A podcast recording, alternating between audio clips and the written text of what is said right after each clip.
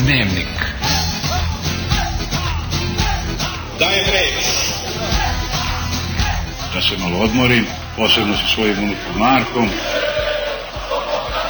Dnevnik.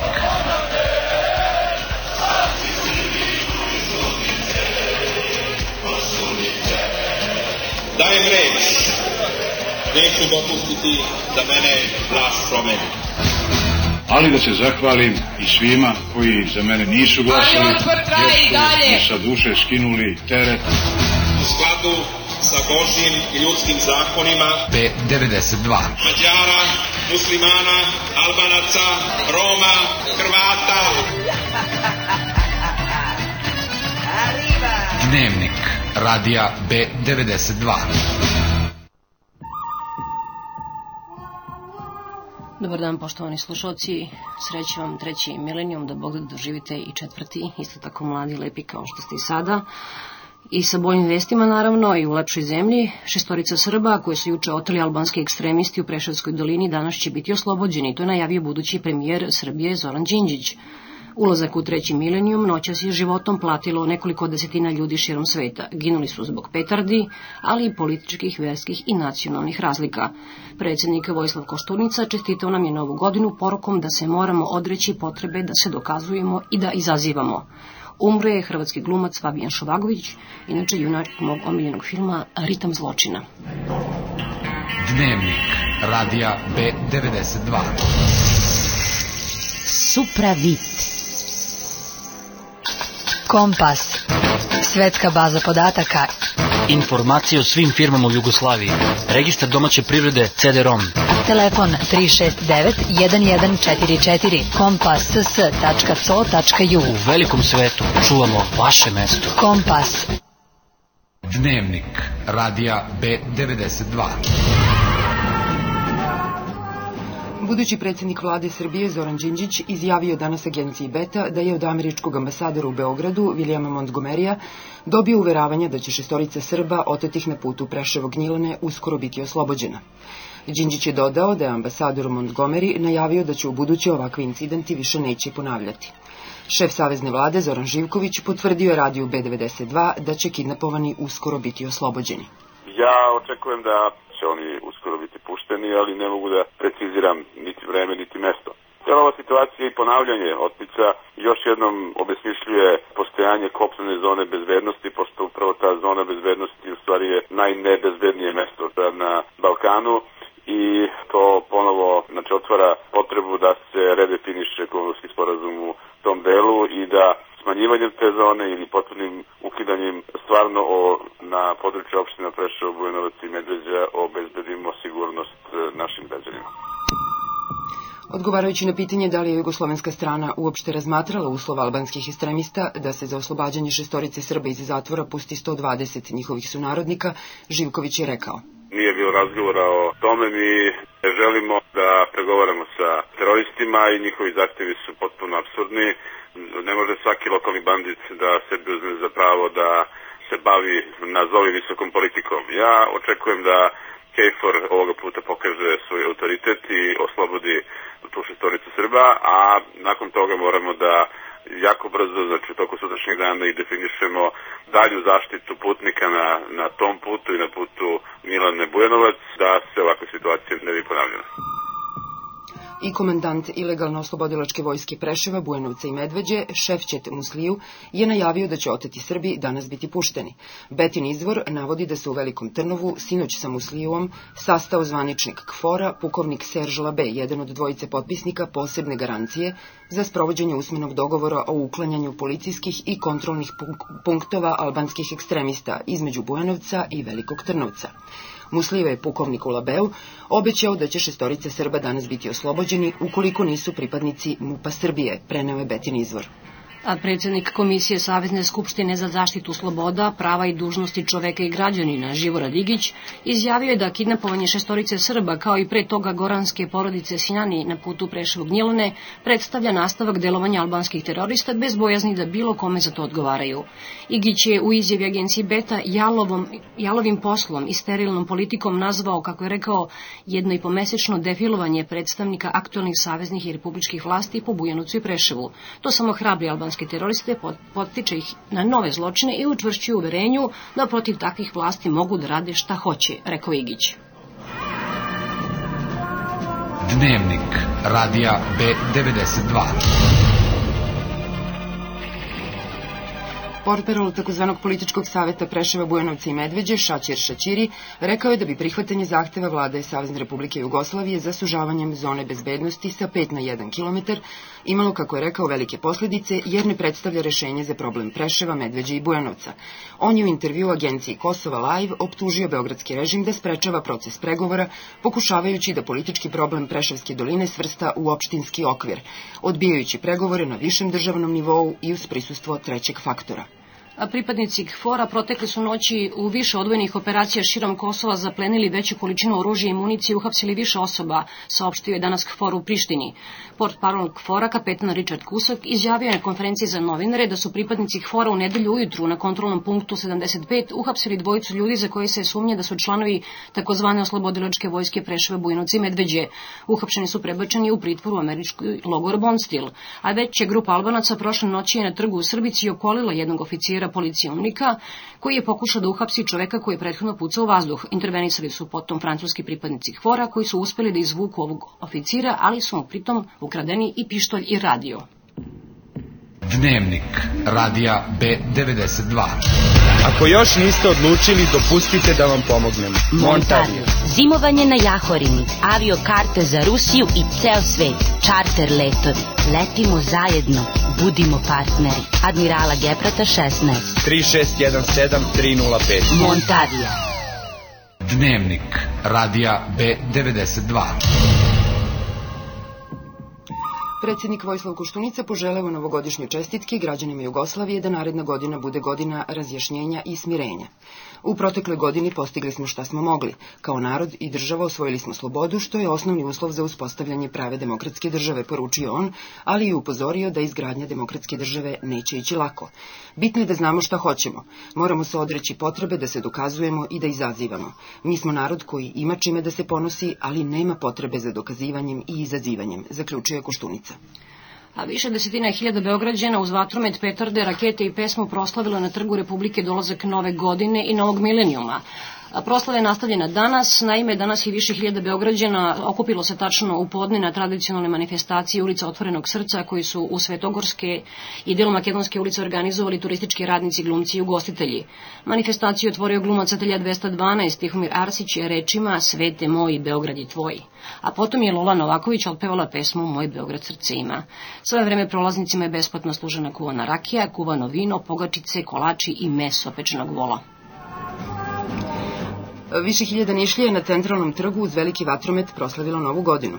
Nekoliko hiljada vranjanaca dočekalo je 2001. godinu u centru grada, igrajući u najvećem kolu koje je zapamćeno u ovom gradu. Doček nove godine u Vranju obeležen je vatrometom i pucnjavom, a slavlje je trajalo do ranih jutarnjih časova. Nekoliko hiljada Čačana dočekalo je 2001. godinu na Centralnom gradskom trgu u organizaciji Skupštine opštine. U ponoć su zvona sa Čačanske crkve označila početak trećeg milenijuma. A Crnogorci su dočekali novu godinu kod kuće, naravno i na, gradu, na gradskim trgovima. U centru Podgorice zabavljali su ih Bajaga instruktori, a na stanići crnogorske grupe Perper i Makadam. Na trgu u Budvi nastupili su Zdravko Čolić, Leo Martin i sarajevska grupa Crvena jabuka. Dnevnik radija B92 Neka život bude dolce vita. Dođite u novu poslastičarnicu na Vračaru. Poslastičarnica Prezent. Grahovska 13, telefon 439 984. Prava mera za svaki dan. Poslastičarnica Prezent. Dnevnik radija B92 Australija među prvima dočekala novi milenijum spektakularnim vatrometom u Sidnejskoj luci, a celonoćna zabava održana je na obližnjoj plaži Bondi. Na Filipinima nova godina je počela uz kakofoniju zvukova puščane paljbe i petardi. To je inače zemlja koja se oporavlja od eksplozije bombe pre nepune 24 časa kada je poginulo 14 i povređeno 100 osoba. Nešto pre toga u Kini je ulazak u novi vek obeležen šovom kompjuterizovanih lasera i grupnim venčanjem na kineskom zidu, dok su studenti pokušali da obore rekord obaranjem 3,5 miliona domina.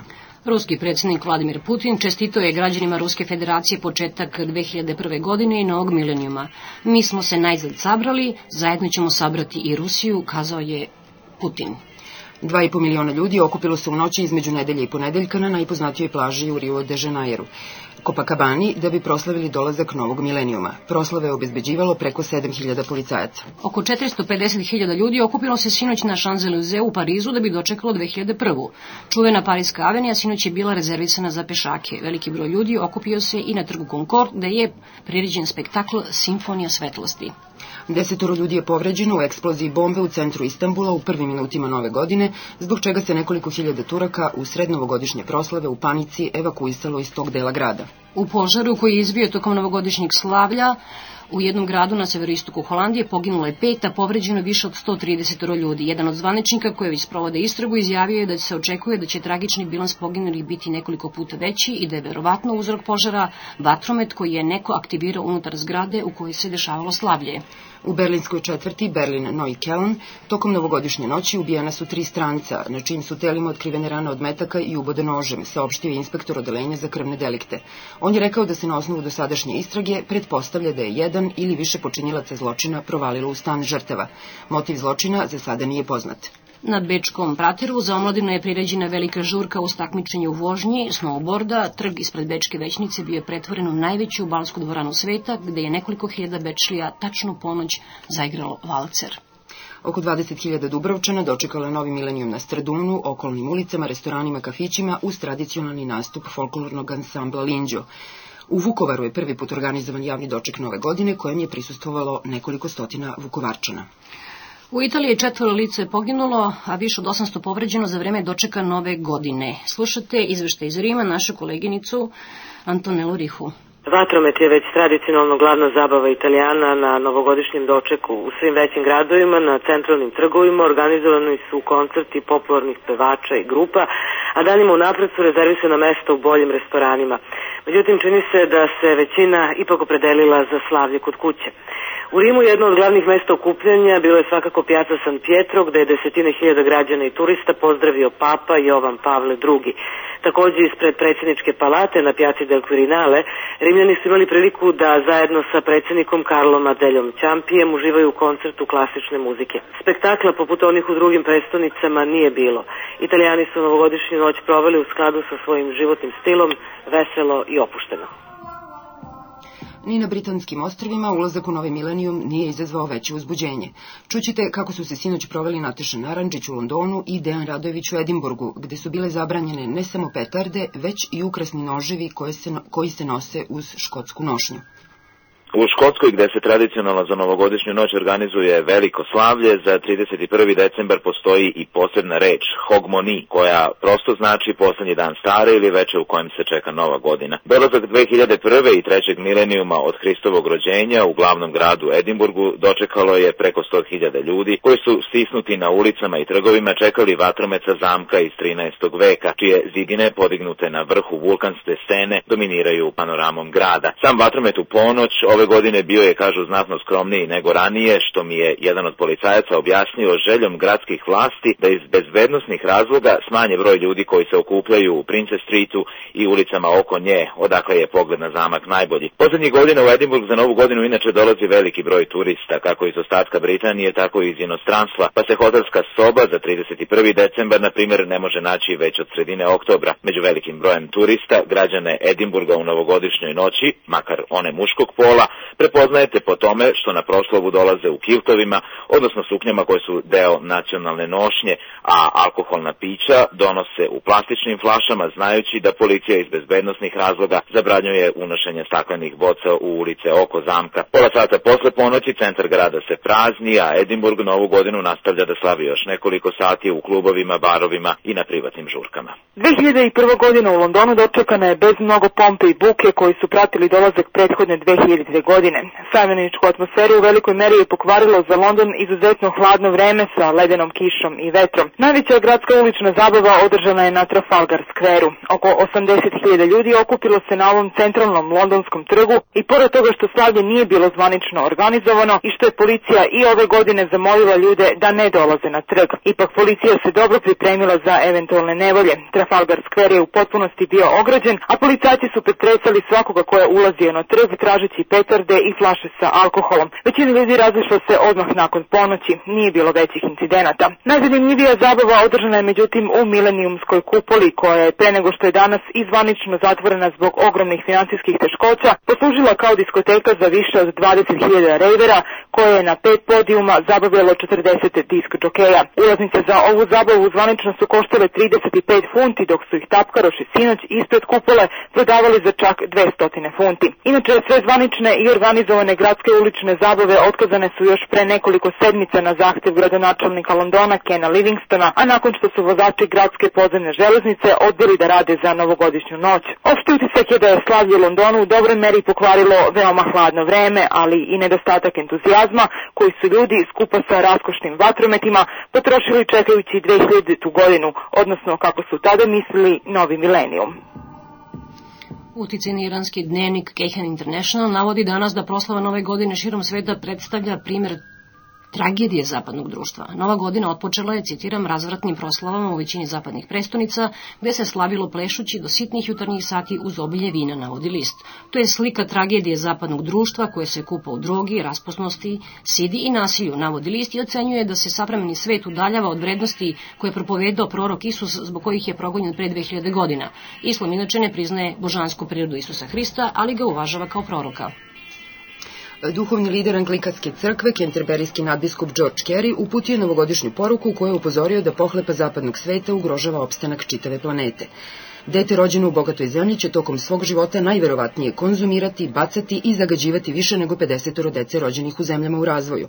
Naš način života gura našu planetu na tačku sa koje nema povratka, upozorio je duhovni lider Anglikanske crkve koji je odavno poznat po interesovanju za ekološka pitanja. Dnevnik radija B92. Stara lozinka www.sezampro.ju Nove opcije Sezam registracija domena .com.net.org Godišnja pretplata po cijeni od samo 30 dolara u dinarskoj protivrednosti. Internet sistem Sezam Pro online. Telefon 3227-231. Pakujemo internet samo za vas. Dnevnik radija B92. Iračkom predsjedniku Sadamu Huseinu je presela sinoćnja novogodišnja noć. On je naime sinoć, dakle, posle vojne parade doživeo moždani udar. Prenosi nemačka novinska agencija DPA pozivajući se na izjavu neimenovanog člana iračke opozicije. Za sada se ne zna u kakvom je stanju Huseinovo zdravlje. Iračke medije, koje kontroliše država, tradicionalno ne prenose vesti o zdravlju predsjednika ili članova njegove porodice. Inače, Sadam Husein je sinoć predvodio najveću vojnu paradu u Bagdadu od Zalivskog rata 1991. godine, pozdravivši vojne jedinice paljbom iz puške koju je držao jednom rukom. Na glavi imao plavi šešir. U sukobima na zapadnoj obali u pojasu Gaze, sinoć i jutros, Poginula su četvorice palestinaca, među kojima je jedan desetogodišnji dečak. Jevrijski stanovnici u revoltu zbog napada i zasede u nedelju, u kojem su ubijeni jedan istaknuti jevrijin i njegova supruga, blokirali su danas ulaze u više palestinskih naselja. Za to vreme palestinci su održali proteste širom pojasa Gaze i zapadne obale, obeležavajući 36-godišnjicu pokreta Fatah, koji je osnovao palestinski lider Jaser Arafat. Jaser Arafat je inače objavio uh, svoju spremnost da se sastane sa američkim predsjednikom Billom Clintonom i otvoreno razgovara o Clintonovim najnovijim planovima za rešavanje bliskoistočne krize.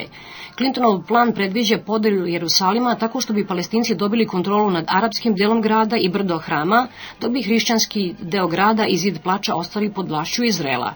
Za uzvrat bi se samo mali broj palestinskih izbjeglica vratio u svoje nekadašnje mesta stanovanja na sadašnjoj teritoriji Izrela. Izrael je na Clintonov plan reagovao ograničenim pristankom, mada je premijer Ehud Barak posle izjavio da Izrael neće predati brdo hrama. Pitanje Jerusalima jedne od glavnih prepreka na putu ka postizanju mira na Bliskom istoku. Odlazeći američki predsjednik Bill Clinton je, uprko sprotivljenju republikanaca, praktično u prvim minutima nove godine odobrio potpisivanje akta o pristanku SAD da bude osnovan stalni sud za ratne zločine sa sedištem u Hagu. Republikanska većina u kongresu najavila je da će odbiti da ratifikuje taj dokument. Američki kongresmeni izražavaju bojazan da bi taj stalni sud mogao da sudi i američkim vojnicima koji učestvuju u vojnim operacijama širom sveta, čime bi, kako tvrde, bio doveden u pitanje integritet SAD i njihovih oruženih snaga. Kao posebno karakterističan primjer navodi se učešće američkih pilota u bombardovanju Jugoslavije 99. godine. Ukoliko se odnos snaga pod Capitol Hillom drastično ne promeni, očekuje se da će republikanci u kongresu blokirati Clintonovu odluku.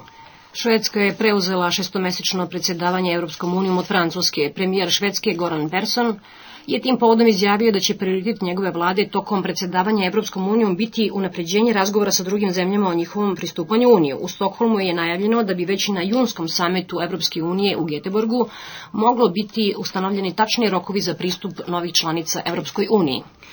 Gruzijski teretni brod potonuo jutro u blizini turske obale. Spasilačke ekipe saopštile su da je do sada pronađeno četvoro poginulih. Strahuje se da ih ima mnogo više, jer je na brodu bilo još najmanje 80 ljudi. Očevidac koji je učestvovao u akciji spasavanja tvrdi da su na brodu uglavnom bili pakistanci. Ilegalni imigranti često koriste Egejsko i Mediteransko more da bi stigli do Evrope. Novinari Češke državne televizije koji već skoro dve nedelje protestuju protiv imenovanja novog direktora dočekali su novu godinu zarobljeni u desku i studiju glavnog TV dnevnika. Novinarima su isključeni mobilni telefoni i obezbeđenje je uči nove godine prestalo da ih pustaju u toalet. Novogodišnju večeru dotorili su im građani preko korpe koje su novinari na kanapu spuštali s prozora na ulicu. Čuveni američki režiser, inače češki emigrant Miloš Forman, koji je uputio novogodišnje čestitke na oba kanala češke televizije, pozvao je Čehije da ne dozvole da političari od njih prave magarce i dodao da, citiram, istoriju stvaraju političari, ali da njen kvalitet određuju kultura jednog naroda. Crnogorska vlada je budžetom za ovu godinu predvidela 3,9 miliona maraka za rad diplomatskih predstavništava u inostranstvu. Crnogorski šef diplomatije Branko Lukovac je krajem prošle godine najavio da će Crna Gora nastaviti sa otvaranjem predstavništava u inostranstvu i da se najpre to može očekivati u Hrvatskoj, Makedoniji, Nemačkoj, Francuskoj i Engleskoj. Dnevnik radija B92 Jednog električnog uređaja svakako možete da se odreknete, a da vam ništa ne fali. Štedite struju. Elektroprivreda Srbije.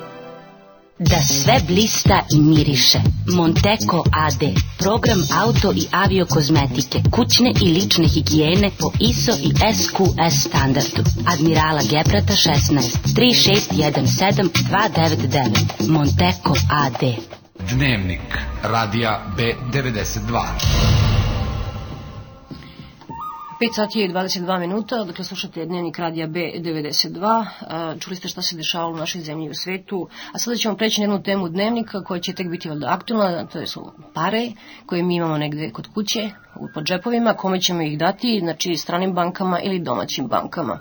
Ovo je mala tema dnevnika, traje 3 minuta, ako volite pare, onda saslušajte. Guverner Mlađan Dinkić nedavno je najavio dolazak stranih banaka u našu zemlju. Banke dolaze tamo gde ima novca, a u slučaju Jugoslavije taj novac je u slamaricama i čarapama građana. Prokomentarisali su ovu vest domaći ekonomisti. Procenjuje se da građani Srbije po kućama posjeduju između 2 i 7 milijardi dolara. Da li će teško stečeni i dugočuvani novac bespovratno otići u svet? Profesor Beogradskog ekonomskog fakulteta Jovan Ranković ne sumnja da je kućna štednja naših građana meta stranih banaka onda će oni kreditirati iz toga svoje investitore koji su zainteresovani za preuzimanje naše firme ili za kupovinu naše firme. Dakle, to se sve može lepo urediti i dakle od toga može se imati velika korist i to je jedan od puteva i kanala za dotok potrebnog kapitala našoj privredi u cilju dokapitalizacije i sanacije. Dakle, po tom osnovu mesečno smatra se da je priliv oko 200 miliona maraka. To je 2,5 milijarde godišnje. Pazite, to je više nego što je celokupni izvoz Jugoslavije. A izvoz košta, ovo ne košta ništa, ovo je poklon. I upravo mi posljednjih deset godina živimo zahvaljujući tome. Bez tih para mi bi davno bili, ne znam šta bi bilo od nas. Dakle, ono što dođe iz inostranstva poslovnog penzija i doznaka, to odgovara bruto platama svih zaposlenih u Jugoslaviji u privredi, a to je milion i po ljudi. I bankarski konsultant Branko Živković misli da su naši građani bogati. Ne verujem da će se baš svaki građanin odlučiti za štednju isključivo u stranoj banci. Polazim od sebe. E, ja bih se odlučio i za domaću banku ukoliko ima schemu zaštite uloga, kaže Živković i objašnjava šta znači ovaj sigurnosni sistem. To znači sasvim jednostavno, kad banka bankrotira, onda posljedice trpe vlasnici i veliki depozitari, a mali depoziti se isplaćuju, bez obzira što je banka bankrotira. Bankarski konsultant Života Ristić u dolasku stranih banaka kaže Dolazak strane banke je normalna tržišna posljedica. Ako zagovaramo tržište i ako hoćemo da se tržišno ponašamo, onda je jugoslovenski sindrom nepoštenja puniti se protiv bilo koga ko dolazi i koji hoće da radi. To je po poput one naše stare Vukove izrake, niti pas kosku glođe, niti drugom daje. Profesor Beogradskog fakulteta organizacionih nauka Stojan Dabić smatra da Jugoslavija još uvek nije interesantna za strane banke. Tačno je da ima interesenata, to su, možemo reći, to su prve informacije, od informacije do odluke treba da prođe vreme i naravno oni traže da se ovde mnogo što što promeni da bi i oni išli sa svojom bankarskom jedinicom. Ja nisam veliki optimista kada se govori o novcu koji je u rukama građana. Nije to tako velika količina novca kao što se priča. Priča se o velikim milijardama, ne bi narod živeo na ovom nivou kada bi bile te milijarde u njihovim rukama. One su možda u nekim rukama, ali ne kod širokog sloja ljudi. Dnevnik radija B92. Jedan od najvećih filmskih i pozorišnih glumaca Hrvatske, bivše Jugoslavije, Fabijan Šovagović, preminuje jutros posle teške bolesti u 69. godini života. A Bogdan Tanović je novi šef stručnog štaba Košarkaškog kluba Budućnost, to su javili crnogorski elektronski mediji Tanjević je već nekoliko godina sa elektrokošarkaške reprezentacije. Italije osvojili su, ako sećate se, prošle godine, odnosno pretprošle sada već, 99. šampioni Evrope. On će zameniti Miroslava Nikolića, koji je posle dve godine boravka u Podgorici napustio, dakle, budućnost. A da čujemo kako nas vreme čeka. U toku noći na području Beograda bit će umereno oblačno i sa velikom vjerojatnoćom suvo vreme. Sutra malo i umereno oblačno, suvo uz slab uglavnom severni veter. Jutarnja temperatura bit će oko minus 2 stepena, najviša dnevna i sutra oko 4 stepena. I u većem delu Srbije u toku noći i sutra zadržat će se malo i umereno oblačno i suvo vreme bez bitnije promene temperature. Samo se u južnim i istočnim krajevima očekuje oblačenje, mestimično sa slabim padavinama. Jutarnja temperatura bit će od minus 4 stepena na severu do 2 na jugu, najviša dnevna od 2 do 6 stepeni. I utorak i sredu u većem delu Srbije očekuje se suvo vreme u jutarnjim satima, slab mraz, dnevna temperatura bit će u manjem postepenom porastu. U sredu krajem dana i u toku noći očekuje se na oblačenje koje će usloviti uglavnom kišu. 5 sati i 27 minuta, bio je ovo prvi dnevnik. A, radi B92 u ovom milenijumu. Sledeći ću ja da vodim isto u četvrtom, to je sasvim izvesno. A inače ovu emisiju je realizovao Nenad Branković, a pripremili su je Svetlana Vuković, Svetlana Lukić, Sejka Pištolova. Um, ja se zahvaljujem na pažnji i želimo da produžite ono godišnje praznike dok možete. Prijetno.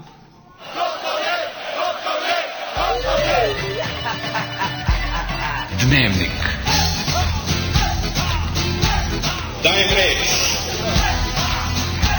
Se malo odmorim, posebno sa svojim unukom Markom. Dnevnik.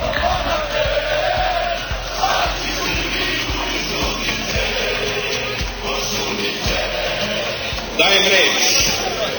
Neću dopustiti da mene vlast promeni. Ali da se zahvalim i svima koji za mene nisu glasali, jer su mi sa duše skinuli teret. U skladu sa Božjim i ljudskim zakonima B92. Mađara, muslimana, albanaca, Roma, Hrvata. Dnevnik radija B92.